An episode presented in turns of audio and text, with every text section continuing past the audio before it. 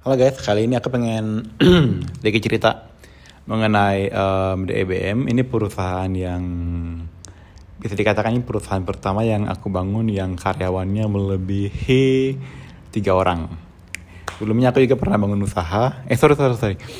Yang yang DEBM ini yang melebihi 10 orang karyawannya. Sebelumnya memang memang pernah bangun usaha sama teman dulu di Surabaya. Yang total tim termasuk saya dan partner semua kurang lebih 10 orang. Yang DEBM ini melebihi 10 orang. Dan aku bersyukur banget ada DEBM bukan saja karena menghasilkan uang untuk um, biaya hidup sehari-hari tapi juga benernya aku banyak banget uh, aku belajar banyak banget hal di dalam proses membangun perusahaan. Jadi dulu tuh aku pikir kayak gini. Maksudnya um, ya kita tau lah gitu kan kayak kalau kayak perusahaan zaman sekarang itu ada kecenderungan bikin pengen pengen bikin tempat kerjanya tuh menjadi tempat kerja yang happy place gitu ya. Tempat kerja yang kayak family banget lah kayak yang kayak keluarga. Dan itu memang ya berfungsi baik tetapi juga bisa menjadi jerat kalau tidak disikapi dengan hati-hati. Maksudku aku waktu pertama kali bikin usaha itu pengennya itu karyawan semua happy happy gitu kan tidak terlalu banyak tekanan. Kemudian um, hubungan dengan karyawan dekat jadi nggak ada jarak gitu kan. Um, aku juga berharap um, apa dengan demikian maka kinerja meningkat. Tetapi kemudian makin lama aku menyadari bahwa benarnya aku tidak bisa bikin semua orang bahagia gitu. Um, karena kebahagiaan adalah tanggung jawab pribadi. Dan ketika waktu itu, waktu awal-awal membangun perusahaan, memang perusahaan berkembang cepat banget. Kita nambah karyawan sampai waktu total hampir 30 karyawan. Tapi kemudian muncul mulai muncul banyak masalah walaupun omset makin naik waktu itu sempat omset naik, tetapi kemudian um, kinerja mulai turun gitu bahkan mulai kayak muncul toxic environment gitu kan. Hingga suatu saat ketika muncul situasi yang nggak nggak um, baik semua terungkap gitu. Maksudnya karena pandemi tahun lalu banyak karyawan beberapa tepatnya karyawan yang kami pikir ini bakal um, orang yang loyal sama kita nih. Ternyata dalam tanda kutip um, nusuk dari belakang gitu kan. Tiba-tiba kabur gitu ya memang sih kaburnya nggak bawa apa-apa. Ya puji Tuhan banget. Tapi ya cukup terpukul aja. Ini orang-orang yang menurut kami itu harusnya itu loyal sama kami. Dari sana kemudian aku belajar satu hal gitu mengenai masalah baper. Jadi memang dulu itu saya memang pribadi yang agak menanggapi baper gitu kan. Misalnya ada karyawan yang baper dikit kita tanyain kenapa kamu kayak gini-gini? Terus diolo-olo ya, maksudnya diolo-olo tuh di dimanjain gitu lah karena pengennya itu dekat seperti keluarga jadi kurang tegas gitu.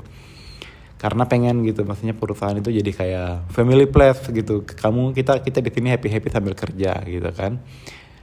Um, itu menimbulkan banyak masalah gitu. Masalah utama adalah ada karyawan lain yang menurut saya dan memang kinerjanya itu bagus banget tapi dia itu kurang pintar bergaul gitu. Akibatnya um, muncul perasaan um, disisihkan gitu. Karena dia merasa kayak um, kinerjanya bagus dan dan tapi um, kurang di dalam pergaulan dia kurang baik. Kurang baik itu maksudnya adalah ya maksudnya memang orang ini kayak kadang-kadang memang kayak um, ngelaporin kesalahan temannya. Yang mana betul betul itu itu itu salah banget gitu yang temannya itu. Tapi akhirnya kayak dijauhi kemudian bikin suasana jadi nggak enak gitu. Jadi memang sih ini bukan bukan jadi konflik gede tapi jadi kayak diam-diaman suasana nggak enak tiap kali ke kantor. Suasana udah kayak nggak enak gitu raut mukanya udah nggak enak semua untuk untuk seluruh tim gitu. Um, dan ini um, gimana ya? Jadi kayak toxic jadi awalnya um, hubungan yang kita atur kita pengen di sini tuh jadi kayak family place gitu. Jadi kayak tempat yang kita bisa bekerja dengan nyaman dengan maksudnya feels like family tapi berubah menjadi tempat yang penuh dengan toxic place gitu. Karena karena salah saya sebagai pimpinan waktu itu pengen tempat ini um, menjadi tempat buat keluarga gitu. Padahal ya beda. Ini ini lingkungan kerja ya ya lingkungan kerja gitu. Maksudnya kemudian saya belajar satu hal penting mengenai tujuan.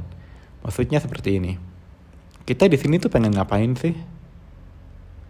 Kalau kamu pengen cari happy, ya di sini bukan bukan di sini tempatnya. Di sini kamu nggak cari happy, di sini kamu cari uang kamu di sini kamu cari uang, tanggung jawab perusahaan bayar gaji kamu tepat waktu, jumlahnya sesuai kesepakatan, dan di sini kamu bisa berkembang. Masalah kamu happy apa enggak, masalah kamu lagi punya masalah sama sama temanmu bukan urusan saya. Dan itu saya terapkan saat ini dan luar biasa banget setelah dalam tanda kutip baper itu dihilangkan. Maksudnya saya nggak ngomong bahwa manusia itu nggak perlu baper bahwa saya um, saya nggak ngomong bahwa bahwa baper itu salah. Tetapi harus di, dikondisikan ini tempat kita kerja. Kamu sebaper apa pun kamu se punya masalah apa pun kamu ketika kamu injak kaki di kantor ini tujuanmu bekerja. Menghasilkan karya. Cari nafkah buat keluargamu. Bukan untuk melayani bapermu. Dan saya di sini untuk membimbing kamu untuk berkembang lebih baik membimbing kamu untuk bisa bekerja lebih baik bukan untuk melayani bapermu. Jadi kamu lagi lagi punya baper apa sama teman, teman lagi bikin salah apa dalam tim harus bisa objektif. Setelah itu diterapkan luar biasa. Kinerja tim meningkat dan memang ada sedikit masalah gitu kan. Cuman masalah itu tidak sampai berkembang menjadi masalah besar gitu. Jadi saya pelajari namanya masalah di mana pun tetap ada dalam keluarga, lingkungan kerja, di mana pun tetap ada. Tetapi bagaimana kita menanggapi masalah itu juga mempengaruhi. Kalau masalah itu terlalu ditanggapi, misalnya baper itu terlalu, ditanggapi, maka maka itu seperti memberikan insentif buat orang yang baper. Bukannya dia akan belajar menjadi lebih baik dan lebih giat bekerja, tetapi dia akan merasa kalau gue baper, gue dilayani nih di sini, dibaik-baikin. Dan itu akan menjadi moral hazard gitu. Dan itu juga akan membuat um, orang yang memiliki kinerja bagus menjadi meninggalkan perusahaan. Karena dia berpikir dia udah kerja baik-baik, tapi kok um, temannya yang baper dilayani. Maksudnya seperti ini. Dulu ada pernah um, kita ini kejadiannya tahun lalu sih ada beberapa program yang menurut saya bagus dan memang bagus tetapi ada satu orang ada beberapa orang yang tidak bisa mengikuti kecepatan kami akhirnya program itu batal dilaksanakan karena kita nunggu satu orang ini beberapa orang ini. Ya akibatnya perusahaan nggak berkembang dong karena kita nunggu-nunggu dia. Kita takut kalau dia merasa ditinggalin kita takut kalau dia merasa nanti nggak dianggap gitu kan. Tapi lama lama kelamaan ya ini ya bersyukur situasi corona ini bikin kita kepepet. Kepepet untuk mengambil keputusan yang tegas gitu. Kita jalan sendiri kalau lu nggak bisa kita jalan sendiri nih. Lu, lu lu lu keluar aja. Kasarnya seperti itu ya memang nggak ngomong seperti itu sih cuman ya seperti itu kita nggak ngomong secara kasar tapi ya baik-baik lah gitu. Bahwa kita harus berjalan maju terus gitu. Kalau memang tempatnya bukan di sini ya nggak apa-apa gitu. Kita pisah baik-baik.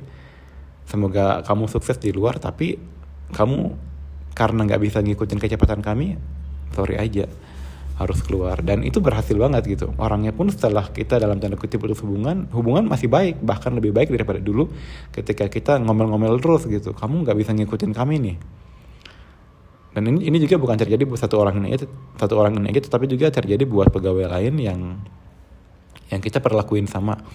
Yang nggak bisa ngikutin kecepatan perusahaan, sorry aja harus mundur. Atau di um, disuruh mengundurkan diri. Karena perusahaan harus maju, tanggung jawabnya besar. Dan dan saya melihat ternyata ketika perusahaan seperti itu malah situasi kerja makin baik baik gitu maksudnya uh, awalnya saya pikir kalau misalnya kita tegasin um, karyawan makin nggak happy ternyata setelah ditegasin malah makin happy. Karena gini loh bahagia adalah urusan pribadi. Perusahaan tugasnya bukan kasih bahagia gitu. Tetapi ketika perusahaan memberikan suatu target dan target itu tercapai orangnya happy targetnya tercapai. Maksudnya ketika orangnya itu malah, malah, malah lebih happy ketika dia dikasih target dan dia bisa mencapai target tersebut daripada dikasih happy happy di kantor itu loh yang yang aku pelajari dan memang saya pelajari juga dalam diri sendiri saya itu lebih bahagia ketika memiliki target dan ketika saya berusaha bekerja keras untuk meraih target tersebut daripada ketika semuanya udah ada terus bingung mau ngapain.